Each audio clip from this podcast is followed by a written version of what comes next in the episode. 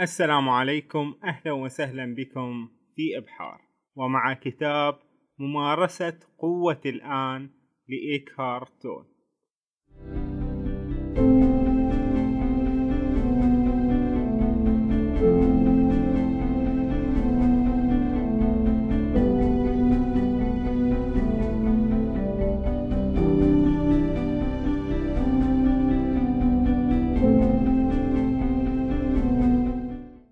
تحرير الذات من العقل.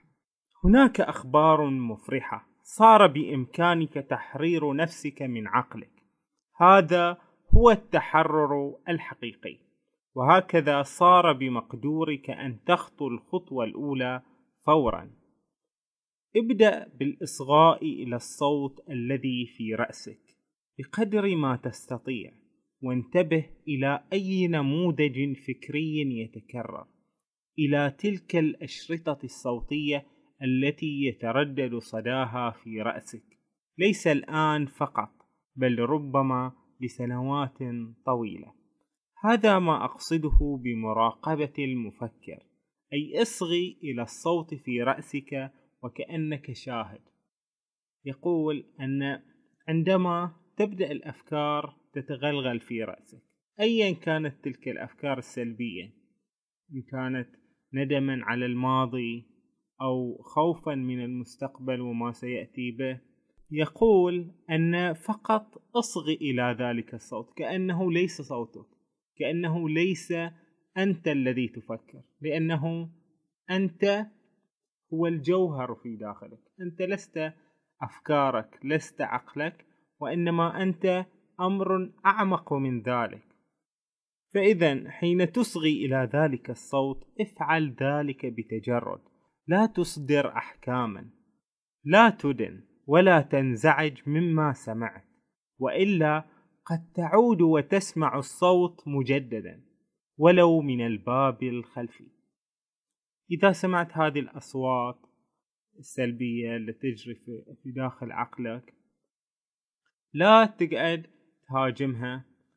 لا تهاجمها ولا يعني تشجبها وتقول لا يعني فلا تهاجمها ولا تشجبها وتمنعها من أن آه، تتحدث وأن تجول برأسك. فقط اصغي لها. اترك مسافة بينك وبين الحديث الذي يجول في رأسك. لأنه عندما تفعل هذا الأمر آه، سيبدأ هذا الصوت في الخفوت ومن ثم سيصمت. هذا هو الإحساس بوجودك الذاتي وأنك ليس مجرد أفكار إنه ينبعث من خلف العقل. وأنت تصغي إلى الفكرة تشعر بحضور الوعي في أعماق أعماق ذاتك. هكذا تفقد الأفكار سيطرتها عليك وسرعان ما تهمد لأنك لم تسمح للعقل أن ينشط. وهكذا يتوقف عن التفكير. هذه هي بداية نهاية التفكير اللا إرادي هي مشكلة لدى الإنسان أو لدى مجموعة كبيرة من الناس أنهم آه، لديهم هذا التفكير اللا إرادي فدائما في عقلهم طوفان يشتعل بالأفكار وغالبا ما تكون هذه الأفكار سلبية. يعني تسبب لهم الكثير من الآلام والقولون والمشاكل المختلفة في الجسم وفي النفسية وغير ذلك. مع توقف تدفق الأفكار تبدأ بالابتعاد عن مجرى العقل. تحدث فجوة فكرية لا عقل. في البدء قد تكون هذه الفجوة لثوان معدودة. إنما لحظة بعد لحظة. سنلاحظ أن فترة هذه الفجوة ستطول ومع حدوث مثل هذه الحالات حالات اللا عقل ستشعر بهدوء معين. يقول الكاتب أنك تستطيع أن توقف تدفق الأفكار إلى رأسك. دعنا نحاول. هذه اللحظات أوقف كل تفكير يجول في رأسك. حاول أن تكون منفصلا عن عقلك. أنت الوعي الذي بداخلك. بالممارسة سيزداد الشعور بالهدوء والراحة النفسية. في الواقع لا حدود لهذا الشعور الذي يتغلغل إلى أعماق ذاتك. وستشعر أيضا بفيض من الفرح والغبطة ينبثق من أعماق وجودك بما فيه فرح الجوهر. يقول أن يحتاج الأمر إلى تدريب لكي تبدأ بالتحكم بما يدخل في عقلك من أفكار. فلا تكون الأفكار أمرا لا إراديا بل أنت تقرر ماذا تريد أن تفكر وماذا تريد أن لا تفكر فيه. في مثل هذه الحال حال التواصل الداخلي تصبح أكثر إدراكا أكثر وعيا. لقد أصبحت مستقلا عن العقل. أنت الآن كامل الوجود وكذلك أيضا تأخذ ذبذبات الطاقة التي تمنح الحياة للجسد المادي بالازدياد والاتساع. كلما انغمست أكثر في مثل هذه الحالات حالات اللا عقل كما يسمونها أحيانا في الشرق. كلما اقتربت من حالة صفاء الوعي في تلك الحالة ستشعر أنك حاضر بقوة وفرح. وغبطة وانفعال روحي وتنسى كل الحالات الجسدية التي مررت بها سابقا. هذا لا يعني الأنانية بل حالة من حالات اللا أنانية تأخذك إلى ما هو أبعد مما سبق واعتقدته أنه ذاتك. هذا الوجود هو عمليا أنت وفي الزمن ذاته هو أعظم منك إلى حد لا يصدق.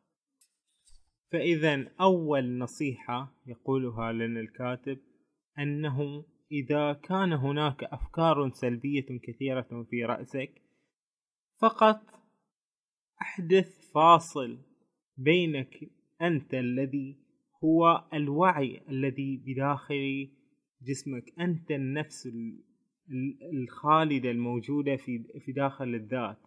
وليس عقلك الذي يصدر الكثير من السيناريوهات المستقبلية أو الندم أو أو غير ذلك من الأفكار السلبية.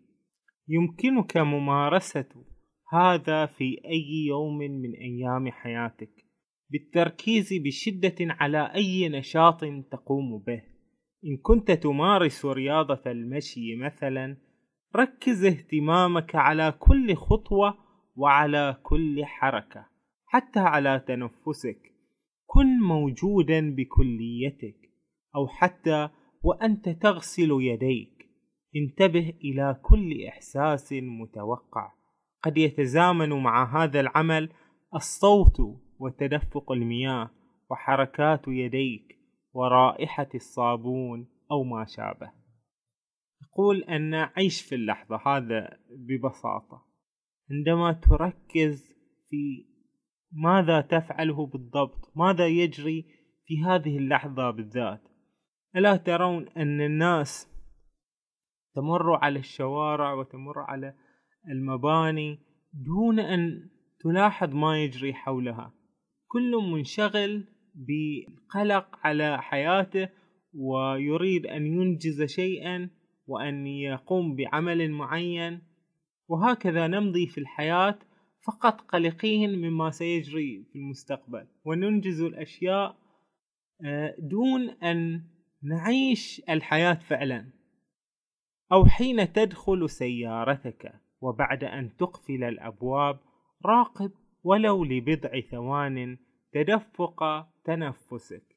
تعامل مع وعي الصمت إنما شرط أن يرافقه الإحساس القوي. بالوجود. تمرين التنفس هو أحد التمارين المهمة صحيا وأيضا آه، نفسيا. لأنه آه، يشعرك بجسمك ومن ناحية صحية يدخل الأكسجين الكثير بكميات كبيرة إلى الجسم فتشعر بالكثير من النشاط عندما تتنفس والبهجة أيضا.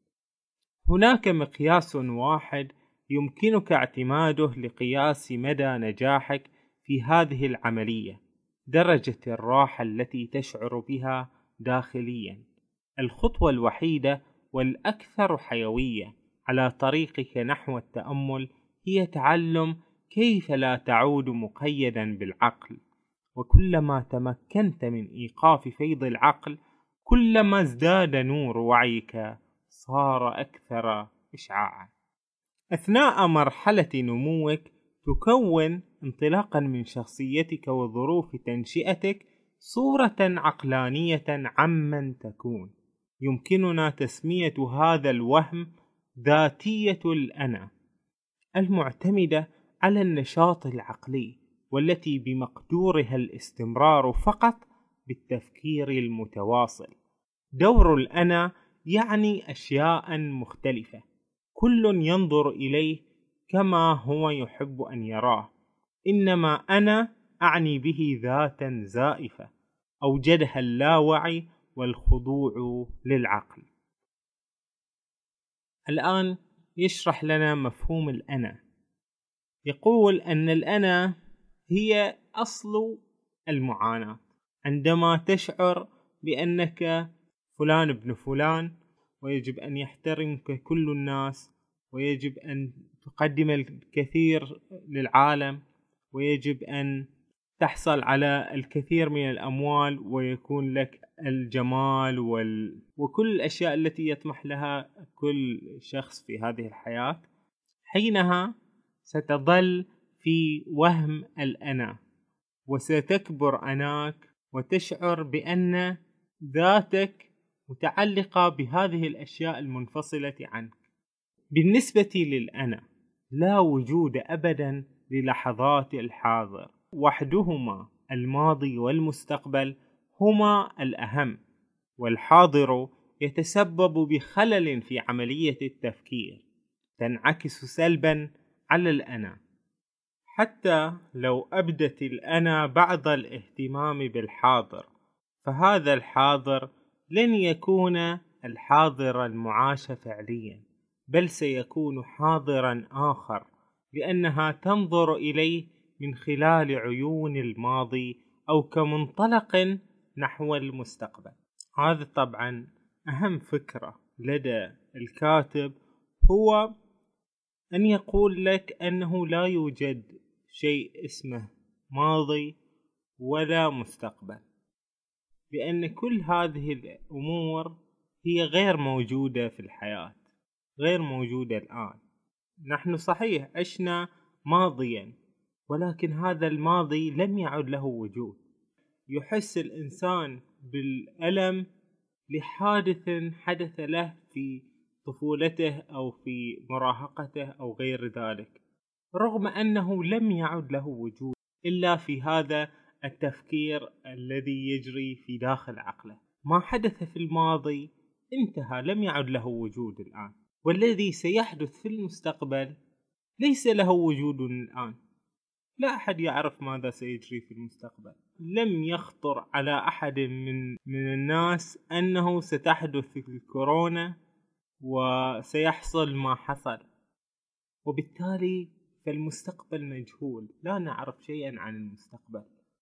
والأفضل أن لا نفكر في المستقبل إلا من باب تخطيط بسيط ومجرد رؤية بسيطة ومخطط بسيط للمستقبل. أما أن نفكر دائما أنه ربما أموت في المستقبل أو ربما آه، يحدث لي آه، أمر خطير في المستقبل ربما أصاب بمرض خطير في المستقبل. هذه الأفكار عندما نفكر فيها وغيرها من الأفكار طبعا آه، ستجعلنا لا نعيش هذا الحاضر المهم. وهو أي الحاضر هو ما لدينا فقط. عندما نعيش أي لحظة من لحظات حياتنا سنعيشها في الحاضر ولن نعيشها في الماضي ولا في المستقبل. نعيش اللحظة كما هي الآن في هذه اللحظة التي تدركها الآن وستمضي هذه هي الحياة فقط هذه اللحظة. ولذلك يقول أن يجب أن نركز على هذه اللحظة التي نعيشها فقط ولا نفكر في لا المستقبل ولا الماضي. مفتاح التحرير هو في هذه اللحظات اللحظات المعاشة الحاضر. إنما ليس بمقدورك استغلال هذه اللحظات. طالما أنت عقلاني. التنور يعني الارتقاء إلى ما فوق التفكير ولا مانع من اللجوء إلى العقل المفكر حين تدعو الحاجة. إنما بطريقة أكثر تركيزا وفعالية عما مضى. يمكنك استغلاله فقط بأهداف عملية. ووفقا لإرادتك بعيدا عن الضغوطات التي كان يمارسها عليك. وهكذا تشعر بسكون داخلي حتى حين تلجأ إلى العقل خاصة حين تكون بحاجة لحلول خلاقة. تتأرجح بين دقيقة وأخرى وبين التفكير والهدوء وبين العقل واللا عقل اللا عقل يعني الهدوء والوعي بلا تفكير. في مثل هذه الحال فقط يمكن التفكير الإبداعي وفقط في مثل هذه الحال تمتلك الأفكار قوة حقيقية الأفكار وحدها بدون تواصل مع الوعي. تعود أن تسأل نفسك ما الذي يجري في داخلي في هذه اللحظة بالذات؟ إنه سؤال يضعك بالاتجاه الصحيح. إنما إياك والتحليل. راقب فقط. ركز اهتمامك عليه. واشعر بطاقة الانفعال العاطفي. إن لم يكن هناك أي انفعال ركز اهتمامك بعمق على مكان الطاقة الداخلية لجسدك. إنه الباب للوصول إلى الجوهر. هذه نصيحة عملية يقولها الكاتب حين تكون في غمرة القلق في غمرة التفكير فيما سيجري أو جرى. اطرح على نفسك سؤال ماذا يجري في داخلي في هذه اللحظة؟ وعندما تكون هناك في في داخلك تشعر بأن هناك صوت في عقلك يطرح لك السيناريوهات السلبية ولكن هناك جوهر آخر. هو ذاتك الحقيقية. هو جوهرك.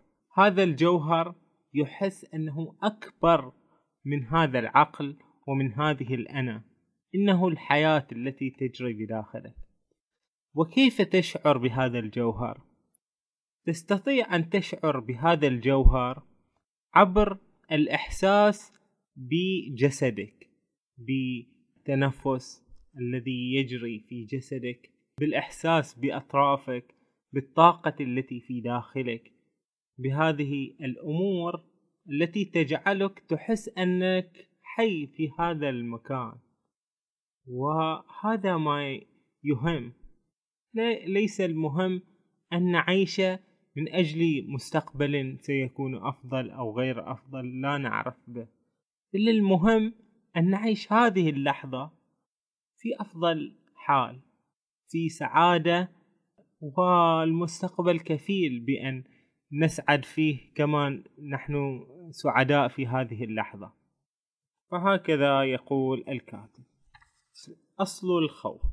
تعود أسباب الخوف النفسي إلى خطر تعتقده محدقا بك ويتجلى بحالات نفسية عدة مثل الاضطرابات والقلق والأرق والتوتر. وإلى ما هنالك من مثل هذه الحالات. الخوف النفسي يأتي أبدا ودائما من شيء قد يحدث وليس من شيء يحدث الآن. أو قد حدث فيما مضى. أنت في الهنا والآن بينما عقلك مشدود إلى المستقبل. وطالما أنت متماثل مع عقلك وتفتقر إلى التماس مع قوة وبساطة الآن ستبقى حالة القلق ملازمة لك. طالما أنت متوافق مع عقلك تكون الأنا بسبب طبيعتها الراغبة في الظهور بمظهر القوي دائما وأبدا. هي المسيرة لحياتك وبالرغم من آلية الدفاع المحكمة التي تتمتع بها فالأنا تشعر وكأنها عرضة للهجمات وأنها غير آمنة. وهذا ما يجعلها تنظر إلى نفسها وكأنها مهددة دائما حتى ولو كانت واثقة من نفسها. تذكر الآن أن الانفعال هو ردة فعل الجسد تجاه العقل. أية رسالة يتلقاها الجسد باستمرار من الأنا هي من صنع العقل. الخطر أنا مهددة وهكذا تكون ردة الفعل المتوقعة الخوف طبعا. عندما تفكر في أفكار مخيفة قد تحدث تجعلك تصدر إشارات إلى جسمك أن يخاف أن يقلق.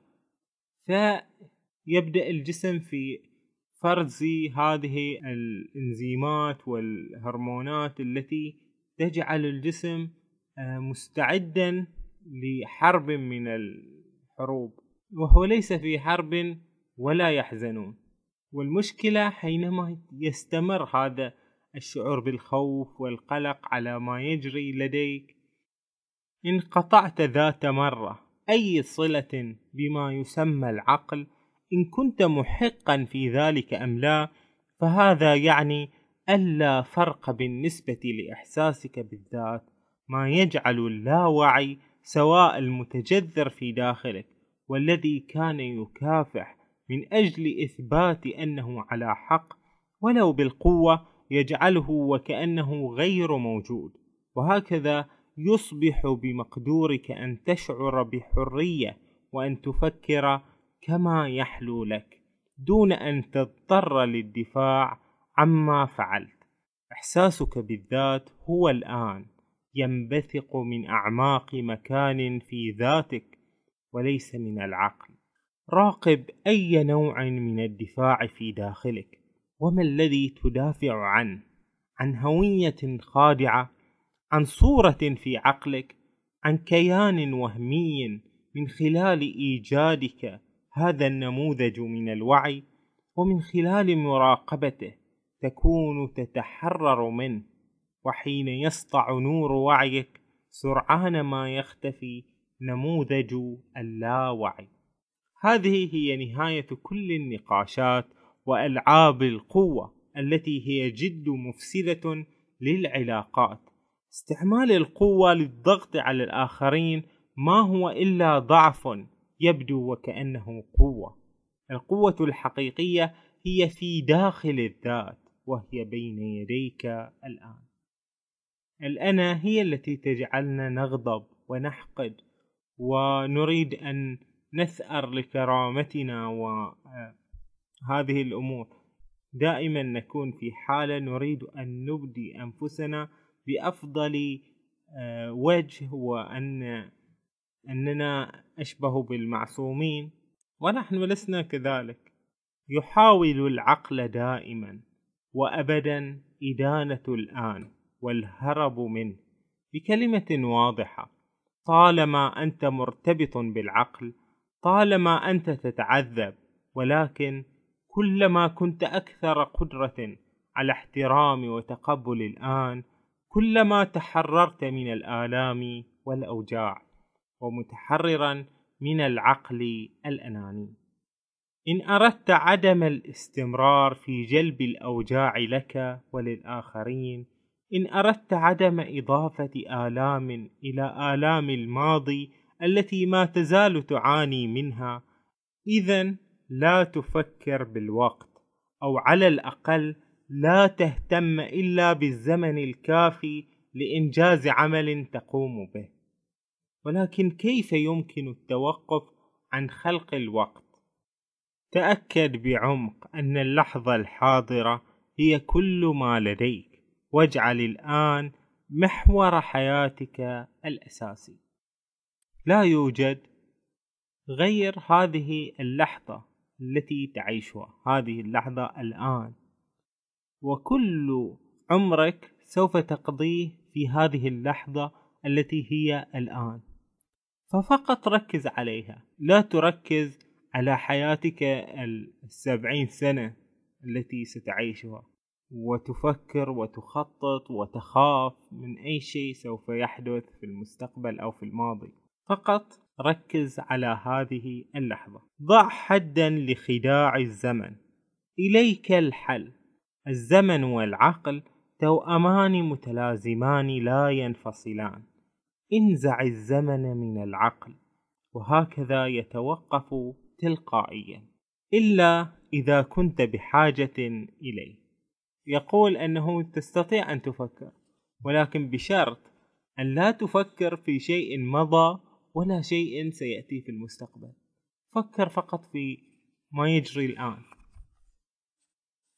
استجابتك لإرادة العقل تعني وقوعك في شرك الزمن أو أن تكون مكرها على العيش مع الذكريات والتوقعات ما يعني أيضا أن لا نهاية لارتباطك بالماضي أو لتطلعاتك نحو المستقبل وأنك تتمكن من احترام اللحظة الحاضرة أو التعرف عليها والسماح لوجودها. تفعل ذلك مكرها لأن الماضي هو من يحدد هويتك ولأن المستقبل يعدك بالخلاص الروحي بأي شكل من الأشكال وهذا هو الخداع. كلما كنت أكثر تركيزا واهتماما في الزمن الماضي والحاضر كلما تفتقد الآن الذي هي أغلى ما في الوجود. الآن اللحظة الآنية هي أغلى ما في الوجود. أليس كذلك؟ فكيف نقضيها في التفكير على شيء غالبا لن يحدث أو شيء مضى وانتهى ولا أحد يفكر فيه لماذا هو أغلى ما في الوجود؟ أولا لأنه الوحيد الموجود فالحياة هي الآن ولن يكون هناك وقت طالما حياتك غير موجودة الآن أو لن تكون أبدا ثانيا الآن هو الأمر الوحيد الذي يأخذك إلى ما وراء العقل المحدود. إنه الأمر الوحيد للولوج إلى اللا وقت اللا زمن الأبدية. حين تعيش لحظة من هدوء وسكينة في غمرة الطبيعة آه، فلنفترض تراقب وردة جميلة. فقط في هذه اللحظة حينما تنسى كل شيء يتعلق بالحياة ومشاكل الحياة وظروف الحياة الصعبة فقط تتأمل وتعيش اللحظة دون تفكير دون أعمال العقل فقط تعيش هذه اللحظة. تشعر أن هذه هي الحياة الحقيقية وهي السعادة الحقيقية فعلا. لا شيء يحدث أبدا في الماضي. إنه يحدث في الآن. لا شيء سيحدث في المستقبل بل سيحدث في الآن. يستحيل فهم فحوى ما أقول هنا بالعقل في اللحظة التي تفهم فيها. يتحول الوعي من العقل إلى الجوهر من الزمن إلى الحاضر وفجأة الكل يستعيد حياته تعود ذبذبات الطاقة لتنتشر لينبثق الجوهر. قد يقول قائل أن ما هذا الكلام؟ العقل نحن ليس لدينا سوى العقل لنفكر فيه. كيف أن هناك جوهرا غير العقل وأن لا نعمل العقل؟ وقد يقول قائل آخر أن الإنسان مكرم بالعقل.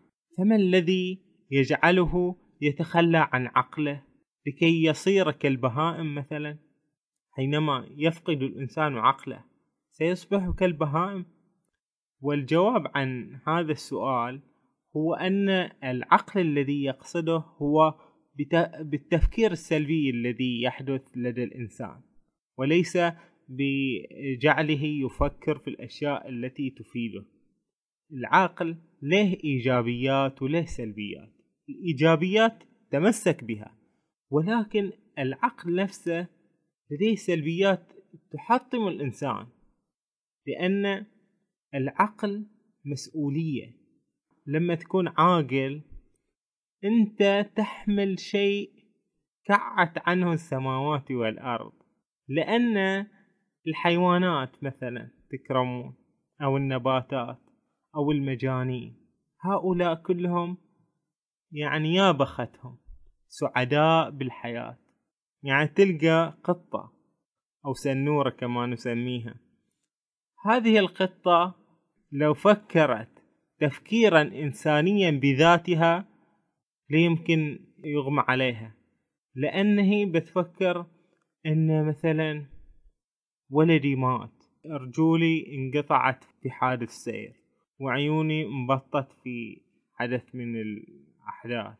أعيش على الكفاف ما أقدر آكل إلا الأشياء البسيطة من القمامة. لو فكرت القطة بهذه الأفكار الإنسانية يعني تشفق على نفسها لما عاشت يوما واحدا ولكن لحسن حظها إنها لا تفكر بهذه الطريقة. دعني أعيش في الحياة. هذه الحياة أشفق على نفسي فيها أنني في حالة صعبة أن لدي ظروفا سيئة وأن وأنني في وضع اقتصادي أو صحي أو اجتماعي أو غير ذلك. لو كانت تفكر بهذا الأسلوب لا جعلها هذا الشيء تجن. يعني لو هي السنورة تفكر مثل ما يفكر الإنسان ولو الشجرة تفكر مثل ما يفكر الإنسان. يعني تخيل أن شجرة تقعد تفكر أن يمكن ما يجيني ماي في, في الأيام الجاية بموت أو يمكن آه، بيجي لي هذا الإنسان وبيقطع جذوعي وبتألم. لا تفكر في هذا الشيء الشجرة. تفكر في هذه اللحظة الحالية. أو ربما هي لا تفكر. فقط تعيش اللحظة الحالية. تعيش. هذه هي الحياة. الحياة هي أنك تنغمس في تفاصيل الحياة.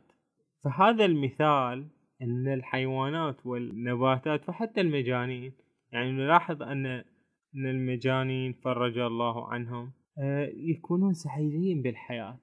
تجدهم في الحي يمشون ويضحكون ويعني يعيشون الحياة بكل سعادة. والإنسان العاقل يعيش الحياة بكثير من التعاسة لماذا؟ هل العقل يجعلك تشقى لهذا الحد؟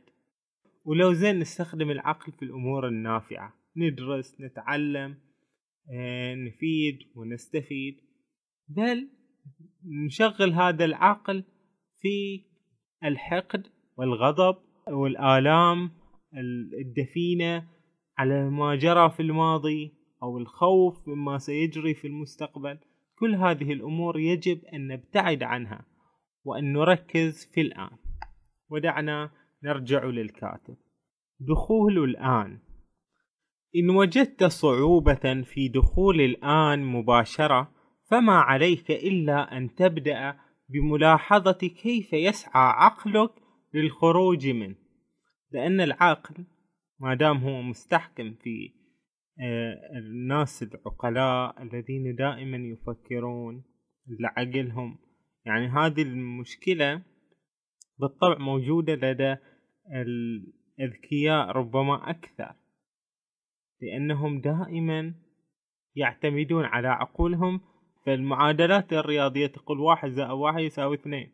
فهم يعرفون أن هذا الحدث إذا صار الآن فإنه في المستقبل سوف يحصل أو ربما يحصل هناك احتمالية لأن يحصل أمر سيء أو أمر خطير. فهذا هذا الذكي الذي يعرف يتنبأ بما سيجري في المستقبل أو ربما سيجري في المستقبل هذا الشخص يشعر بالكثير من الهموم والمشاكل المصطنعة.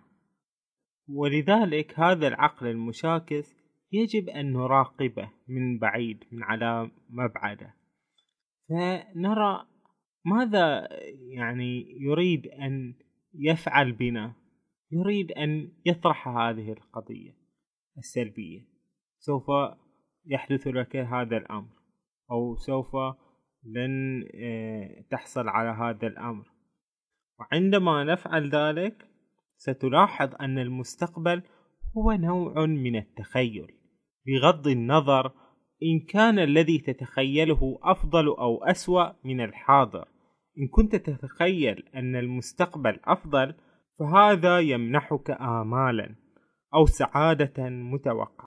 أما إذا كان أسوأ فهذا سيسبب القلق. وفي الحالتين الأمر مجرد خداع وتضليل. كلما كنت قادرا على مراقبة العقل كلما تكون قد نجوت من الوقوع في شراكه. كذلك سيدخل عامل آخر لا علاقة له بالعقل مشاهدة الحاضر. كن موجودا بفعالية كمراقب لعقلك لأفكارك لانفعالاتك كما لردة فعلك في حالات متقدمة ومختلفة. كن على الأقل مهتما بردة فعلك وبالإنسان الذي جعلك تتفاعل معه وأجبرك على القيام بردة الفعل. لاحظ أيضا كيف يكون اهتمامك غالبا إما في الماضي أو في المستقبل لا تحكم على ما تلاحظ ولا تحاول القيام بأي تحليل. راقب الفكرة اشعر بالانفعال ولاحظ ردة الفعل.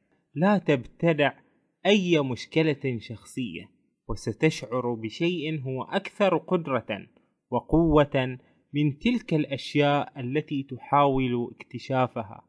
الهدوء مراقبة الحاضر بحد ذاته الذي هو ليس موجودا في عقلك. إنه المراقب الصامت.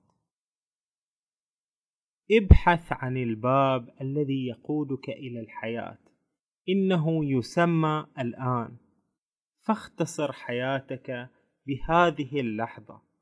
ظروف حياتك قد تكون ملأى بالمشاكل. هذه هي ظروف الحياة. مآزق ومعضلات وابحث عما إذا كنت تعاني في هذه اللحظة من أي معضلة أو تواجه أي مأزق. الحين في هاللحظة في عندك مشكلة أو عندك مصيبة حين في هاللحظة؟ مو تقول لي شي حدث أو شي بيحدث الآن في هذه الثانية. ويش المشكلة اللي عندك؟ افعل هذا فورا ليس غدا وليس بعد عشر دقائق. افعل هذا فورا. هل لديك أي معضلة؟ هو يقول لا يوجد أي معضلة إذا كنت تركز في اللحظة الحالية. لأن فعلا في اللحظة الحالية وش بيصير عندك مشكلة؟ وين المشكلة حين؟ في هذه اللحظة. قد يكون الإنسان في هذه اللحظة مثلا يشعر بتوجع ربما يعني في هذه اللحظة هو هو يتألم.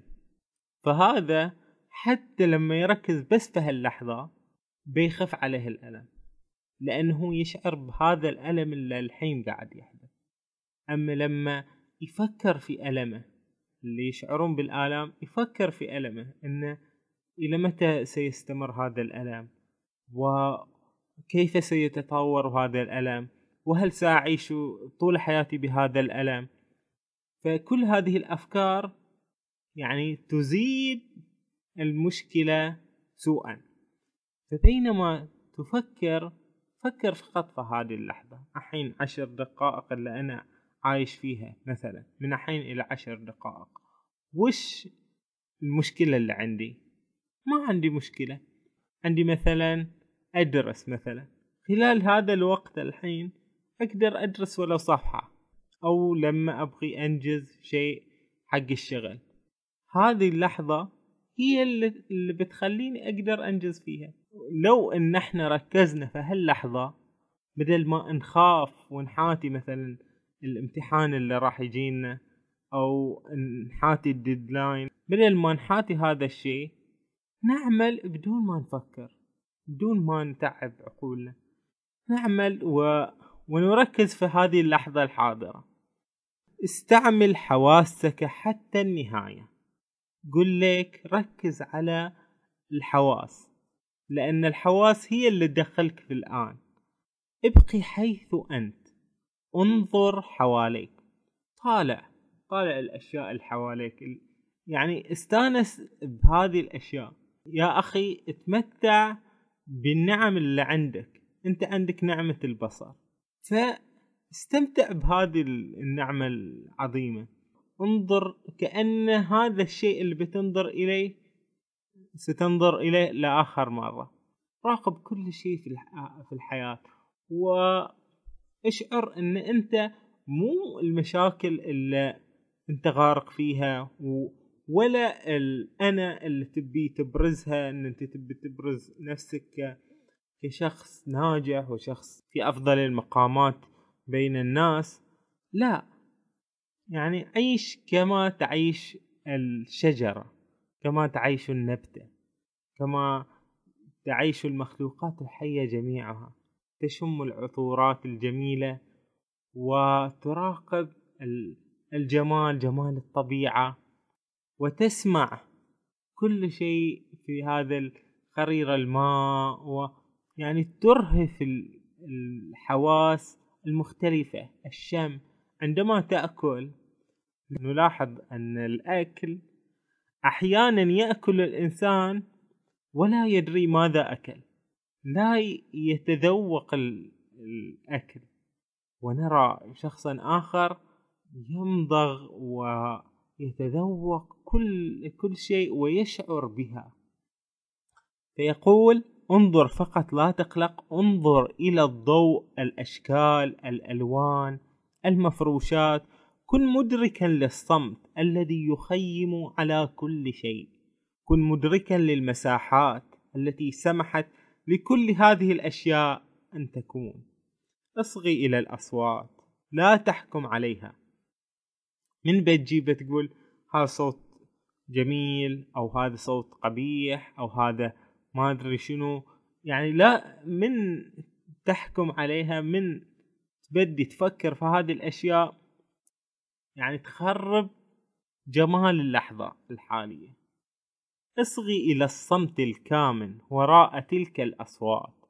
المس شيئا أي شيء وتحسس وتعرف إلى جوهرها. جرب حاسة اللمس. ترى حاسة اللمس إحنا مهملينها كأنها غير موجودة. مجرد إن أنت تلمس الأشياء تشعر بأنك حي على هذا الأرض. تقدر يعني تحسس الأشياء الموجودة حواليك. تشعر إن هذا مثلا الماء ملمس الماء شلون؟ ملمس هذا الورقة اللي في إيدي.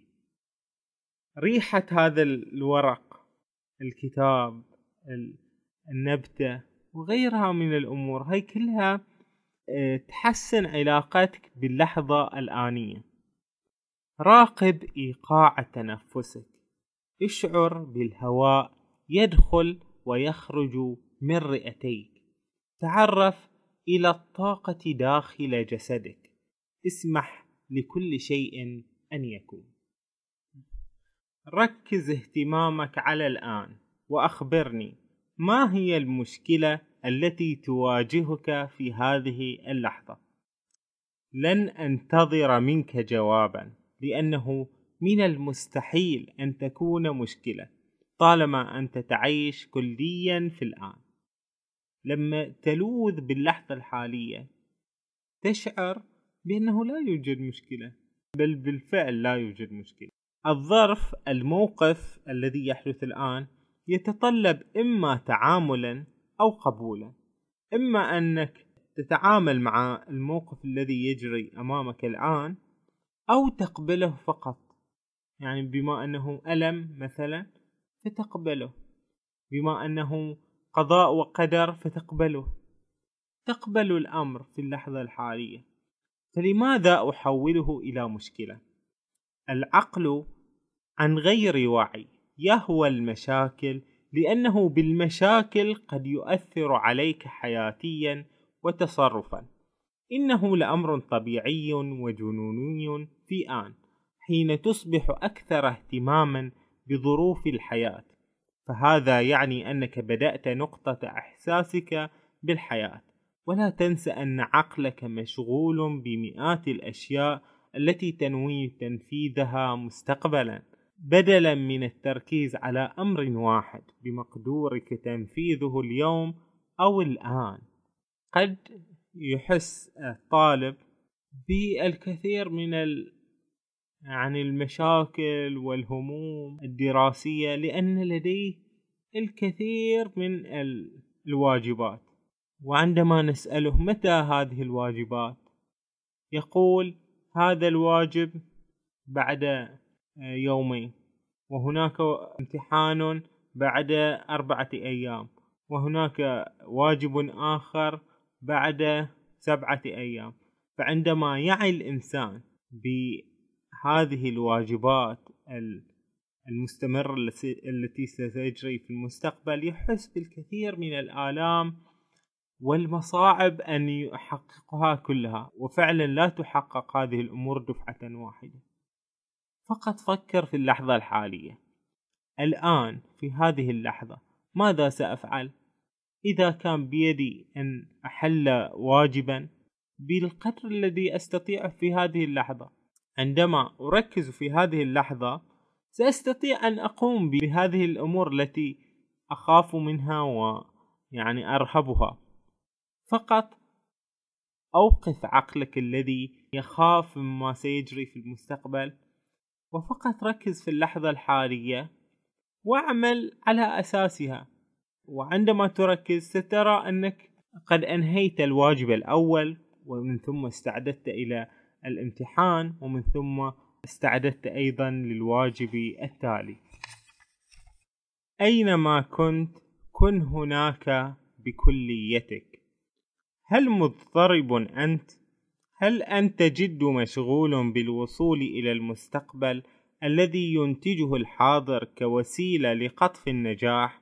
الاضطراب سببه وجودك هنا بينما هو يريد أن تكون هناك أو بسبب وجودك في الحاضر فيما تريد أن تكون في المستقبل إنه الصوت الذي ينطلق من داخل ذاتك هل استحوذ الماضي على اهتمامك الكافي؟ هل تتحدث عنه تكرارا أو تفكر فيه إن سلبا أو إيجابا؟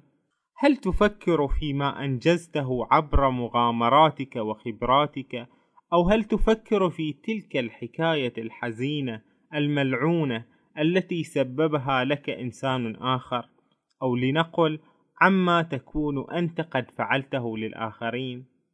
من وسط هدوء حضورك يفيض الجمال. الحضور مطلوب لإعطاء الجمال قدره.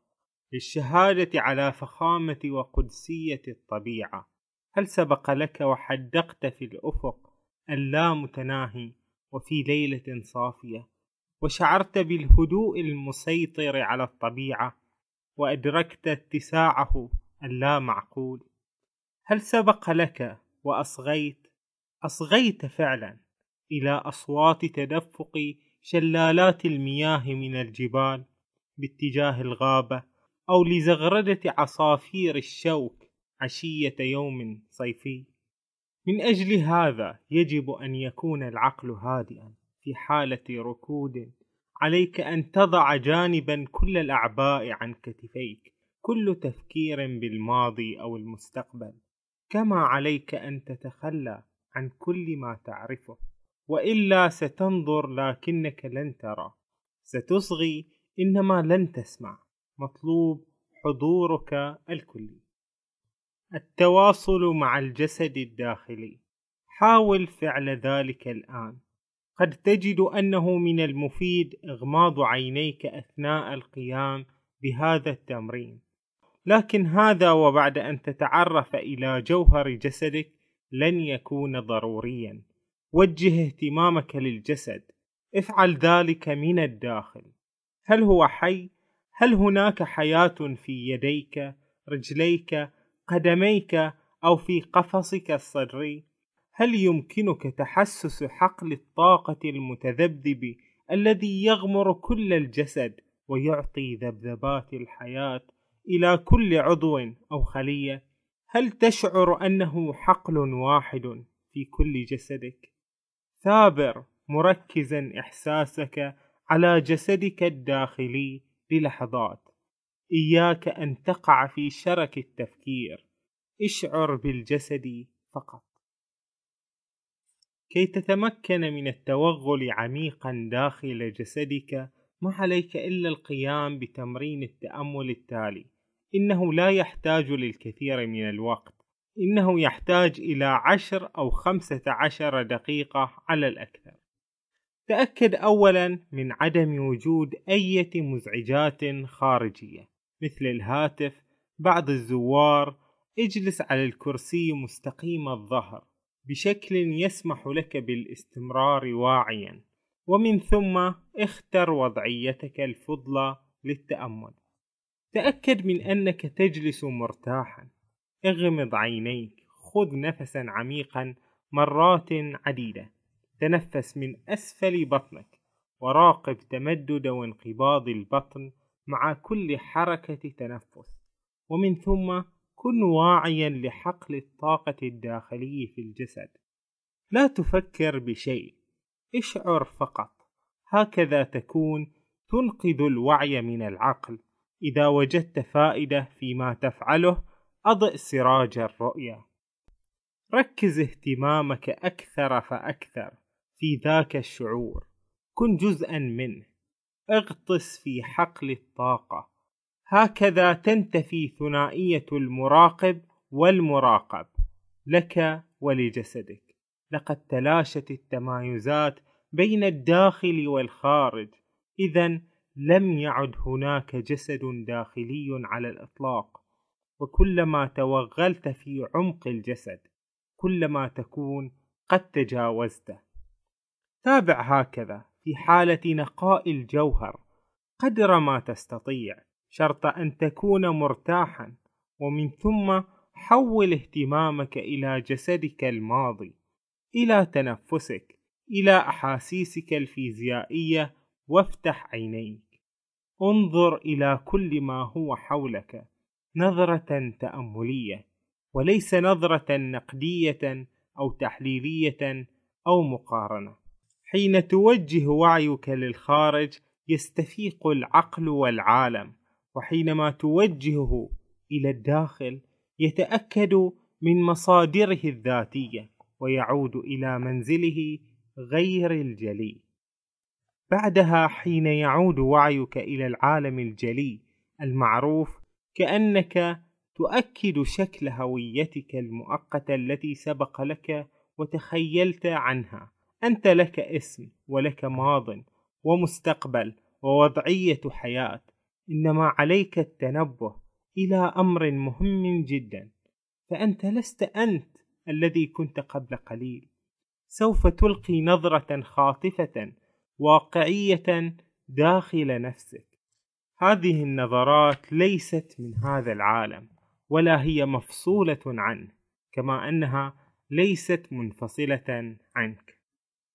الحل هو في أن تكون بحالة تواصل دائم مع جسدك الداخلي كي تبقى تشعر به طيلة الوقت. فهذا من شأنه أن يعمق ويحول حياتك. كلما أوليت داخل جسدك المزيد من الوعي كلما ارتفعت وتيرة الذبذبات الصادرة عنه وكلما سطع النور أكثر فأكثر عند مستوى قمة الطاقة لن تتمكن السلبية من التأثير عليك. على العكس أنت من سيكون له التأثير على كل ما يحيط به أين هو انتباهك في هذه اللحظة؟ أنت تصغي إلي أو تقرأ في هذا الكتاب الذي هو أمام عينيك هذا هو محور تركيز اهتمامك لكنك مهتم بما يحيط بك من حيوانات وبشر قد تؤثر على نشاطاتك وعلى ما تسمع وعلى ما ترى. وتجبرك على إقامة تواصل عقلي. لا شك أنه لا ضرورة لمثل هذه الأشياء التي قد تشتت انتباهك عما هو أساسي. حاول أن تبقى على تماس مع جسدك الداخلي في الزمن ذاته. قبول الآن. هناك دورات حياة تتكلل بالنجاح. تأتيك الأشياء خلالها فتنمو وتزهر وأخرى فاشلة حين تذبل تلك الأشياء وتتحلل. إنما عليك ترك الأمور تجري كما هي. عليك رمي ما ذبل وتحلل أو تحطم إفساحا لمكان جديد لأشياء جديدة أو للسماح بحدوث التحول. أما إذا رفضت ذلك وأصريت على مقاومة ما يجري فهذا يعني أنك ترفض المضي مع تدفق نهر الحياة. وهذا ما يسبب عذابا لا تعرف متى يصيبك. الدورة غير الموفقة هي جد أساسية كي تحقق الروحانية. هاي الكلمة لفتت انتباهي. هل نحتاج أن نختبر ظروفا سيئة وأن نخوض تجارب من الألم الشديد لكي نشعر بالروحانية لكي نصل إلى مرحلة التنور بأن نفهم ما هي السعادة الحقيقية.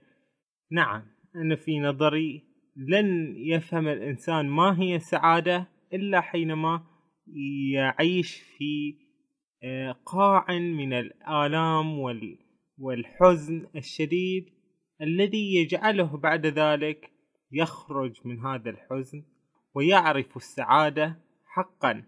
فالإنسان لا يستطيع أن يدرك الأشياء بدون أن يجرب نماذج منها. ودائما في حياتنا المواقف اللي نمر بها وتكون جدا صعبة نخرج من هذه المواقف أقوى وأكثر معرفة بالحياة. يجب أن تتعرف إلى الفشل الذريع ولو على بعض المستويات كما عليك اختبار معنى خسارة شيء أو بعض الألم كي تتعرف إلى الأبعاد الروحية. وإلا لربما تحولت نجاحاتك إلى أمور تافهة لا معنى لها وهكذا تتحول بدورها إلى فشل. بالمناسبة ترجمة الكتاب يعني ليست بالترجمة الجيدة. أشك في بعض الكلمات أن صياغة الترجمة هي التي جعلتها ركيكة ولا تحمل نفس المعنى الذي أراده الكاتب. ولكن رغم ذلك نستطيع أن نستشف ماذا يريد الكاتب أن يقول. لا شيء يدوم في هذه الحياة على حاله فإما أن ينتهي أو يتحول إلى شيء آخر. فما كان حسنا بالأمس قد يصبح سيئا اليوم والظروف ذاتها التي تسعدك في زمن ما قد تكون سبب تعاستك في زمن آخر. ثروة اليوم قد تتحول إلى لعنة في الغد. حتى فرصة الزواج ولذة شهر العسل قد تصبح مأساة خلاف واستحالة في متابعة العيش معا. أو ربما تغيرت ظروف ما فتشعر دون أن تدري أن تغير تلك الظروف أو زوالها هو السبب. هذا يعني أن سعادتك وتعاستك هما عمليا أمر واحد لا فرق بينهما. وحده عامل الزمن يفصل بينهما.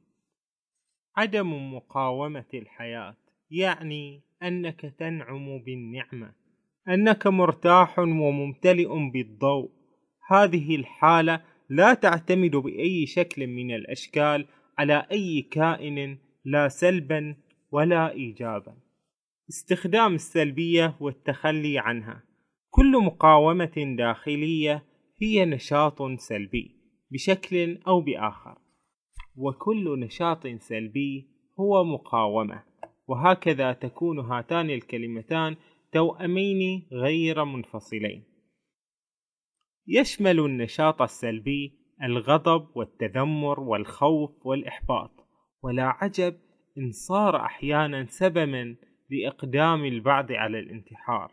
وكثيرا ما تتسبب المقاومة باستثارة المعاناة النفسية وآلام الجسد حتى يصبحوا أتفه سبب قادر على إنتاج أكبر قدر من السلبية كالخوف والإحباط والحزن العميق.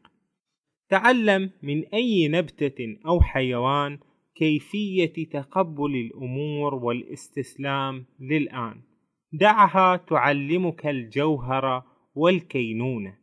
دعها تعلمك كيف تكون وحدة متكاملة.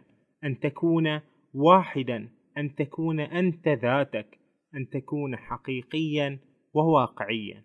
دعها تعلمك كيف تحيا وكيف تموت.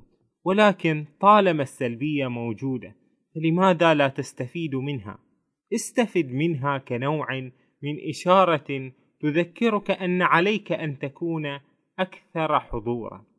حين تشعر بالسلبية تتدفق في داخلك إن بسبب عامل خارجي أو أفكار أو أي شيء آخر. انتبه هناك صوت سيصرخ. انتبه هنا والآن. انهض تحرر من عقلك. كن حاضرا. كن مستعدا. انتبه لا تدع الأمور تتراكم. إن في عمق ذاتك أو على جسدك الخارجي. بالنسبة للجوهر كل العذابات والآلام هي ضرب من ضروب الخداع والتضليل وهي ترتبط بشيء يجب ألا ترتبط به من هنا فمعجزة الشفاء تحدث من خلال إيقاظ الوعي لدى الآخرين إذا كانوا مستعدين لذلك. الرحمة هي إدراك ذاك الميثاق الذي يربط بينك وبين كل المخلوقات. قد تقول لا شيء يربط بيني وبين هذا الإنسان. تذكر أن هناك شيئا مهما يجمعك به. بعد بضع سنوات من الآن سنتان أو لربما خمس أو عشرون كلاكما ستصبحان جثة بالية ستصبحان مجرد ذكرى ليس أكثر أتعتبر هذا القول متشائما؟ لا إنه الواقع فلماذا تغمض عينيك؟ هناك مساواة تامة بينك وبين أي مخلوق آخر. يعني نلاحظ أن الموت يعدل بين الناس. وسبحان الله من جمع الكثير من هذه الدنيا من أموال من جاه يعني يتحسر كثيرا أنه سيموت. واحد من أهم التمارين الروحية هو التأمل بعمق الهيئات المادية للمخلوقات بما فيها أنت. هذا ما أسميه مت قبل أن تموت. تغلغل عميقا. هيئتك المادية لم تعد موجودة. ثم تأتي لحظة بعد أن تتبدد الأفكار وكل شكل من أشكال العقل. لكنك ما تزال هناك. بحضورك الأبدي واع كليا وكذلك الإشعاع والإشراق.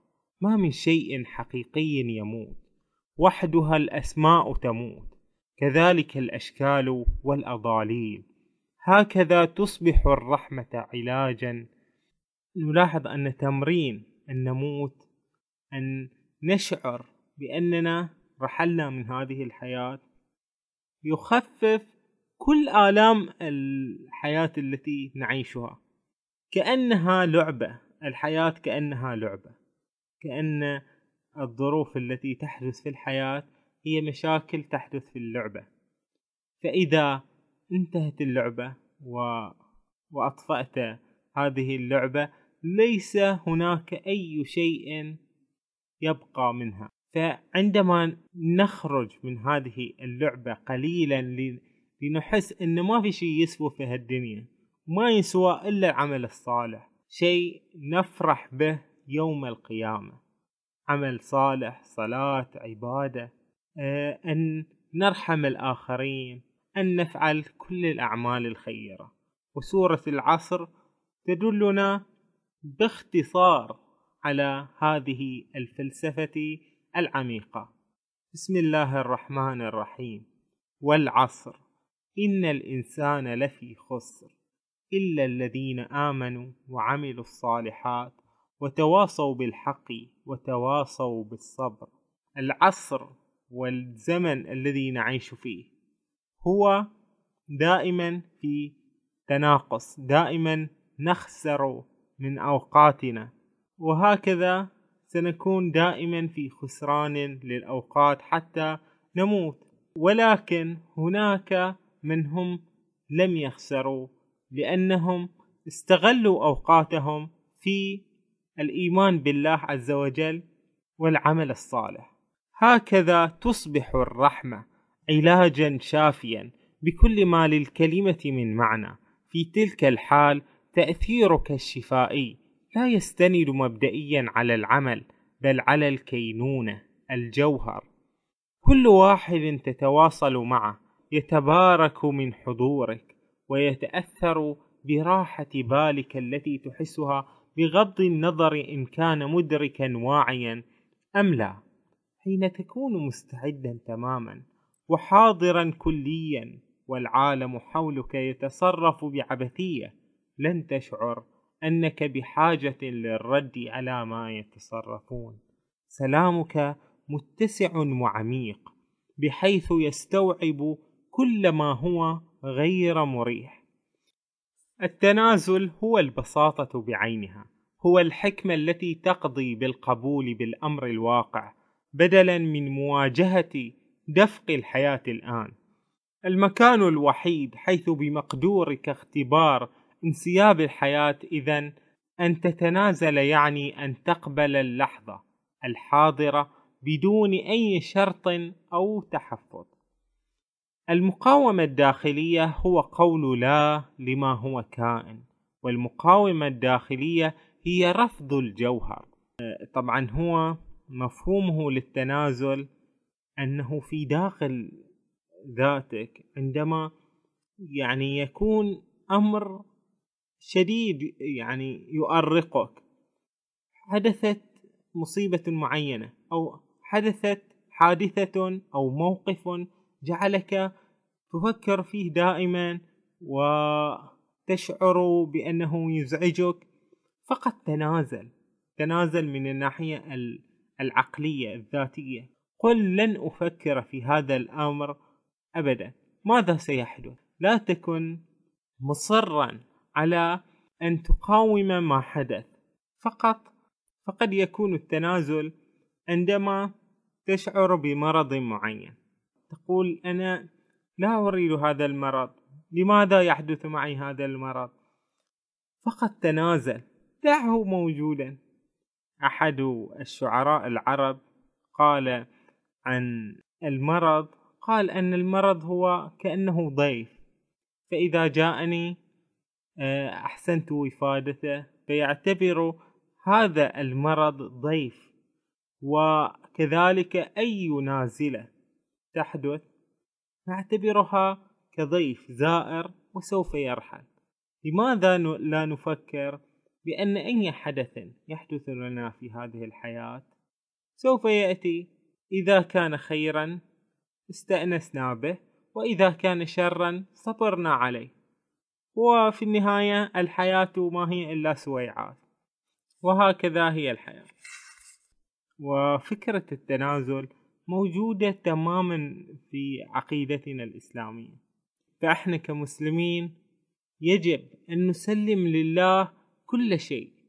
أن نشعر أن الله عز وجل سوف يقدر كل شيء لنا في هذه الحياة.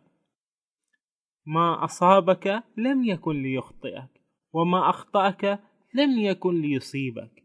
كل شيء في هذه الدنيا مقدر من لطيف خبير. لا تقلق أن الأمور ستحدث أو لن تحدث. دعها على الله عز وجل. ادعو الله. اشكي له ناجه في ساعة من قيام الليل.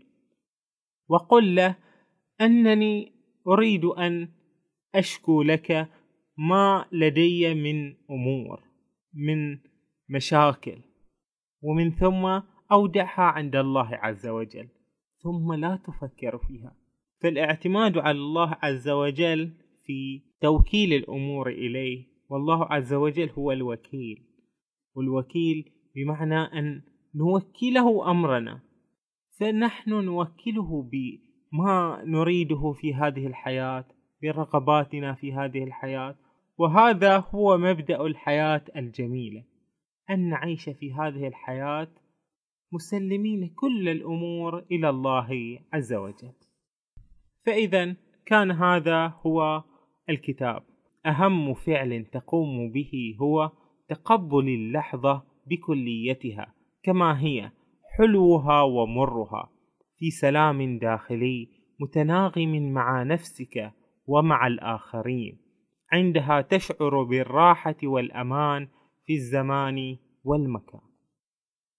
فإذا كان هذا كتاب ممارسة قوة الآن لإيكهارت تول وهذا الكتاب آه، في الحقيقة آه، ليس لكل الناس ليس موجها لكل الناس ولن يفيد كل الناس.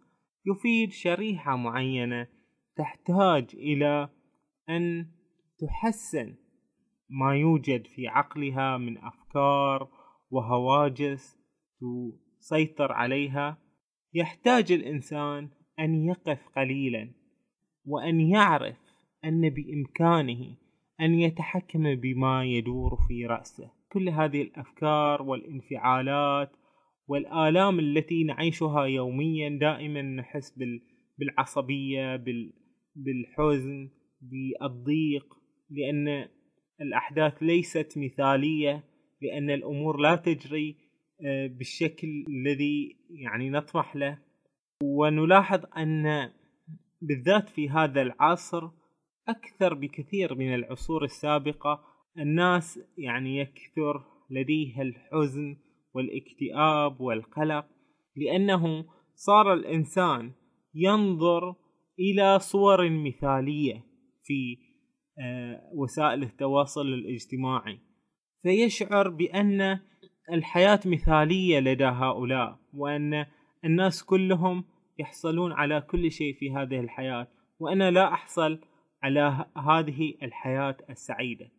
فيشعر الناس دائما بالإحباط والحزن وهذه الأفكار السلبية.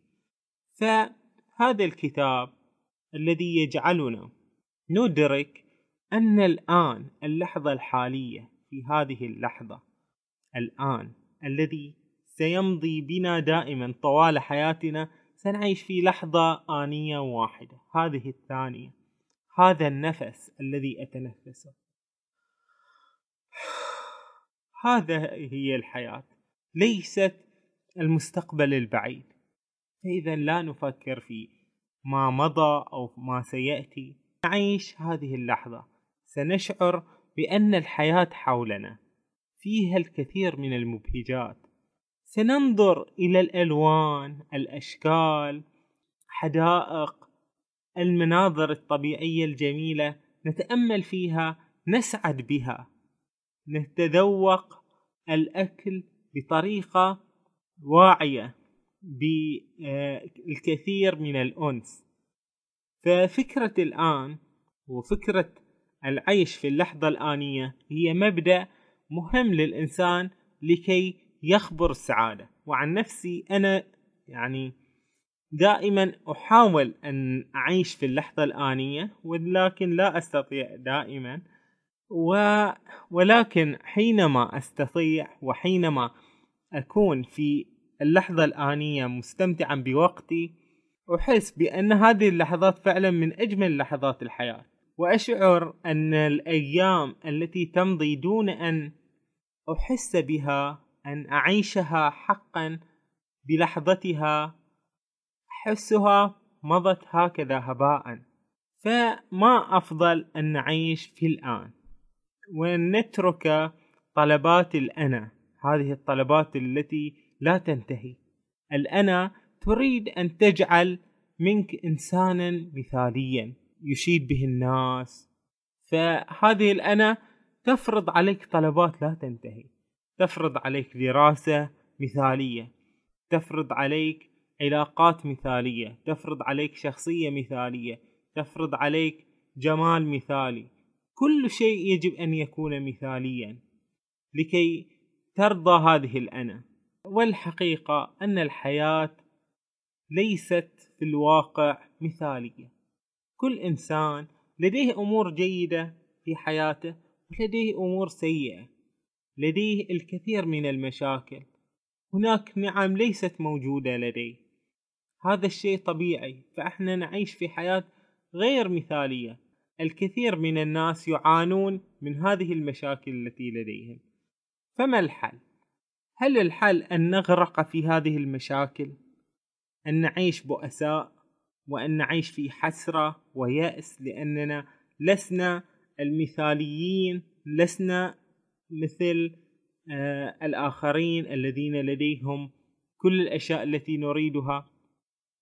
إن عشنا في هذه الطريقة ونحن بالفعل نعيش بهذه الطريقة فهي حياة بائسة.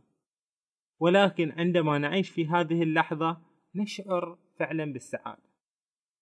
وسأقول لكم أمرا آخرا حينما تنتظرون حدوث أمر تقولون أنه لو حدث هذا الأمر لي سأكون في غاية السعادة.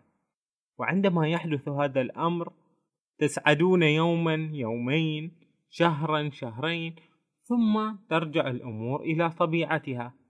وكل ما مضى سابقا من أمور سعيدة وكنت تظن أنها سعادتك الحقيقية والتي إن وصلت إليها ستشعر بالسعادة اللانهائية لن تصل إليها.